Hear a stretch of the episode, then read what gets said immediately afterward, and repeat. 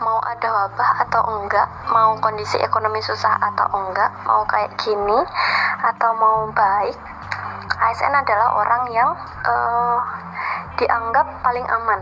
Maksudnya ih kowe kan ASN otomatis apa yang apa piye pun tetap wae kowe oleh gaji dong mana kan? Nah orang-orang tuh berpikirnya seperti itu. Padahal nantikan podcast selengkapnya di Tio Abiromo.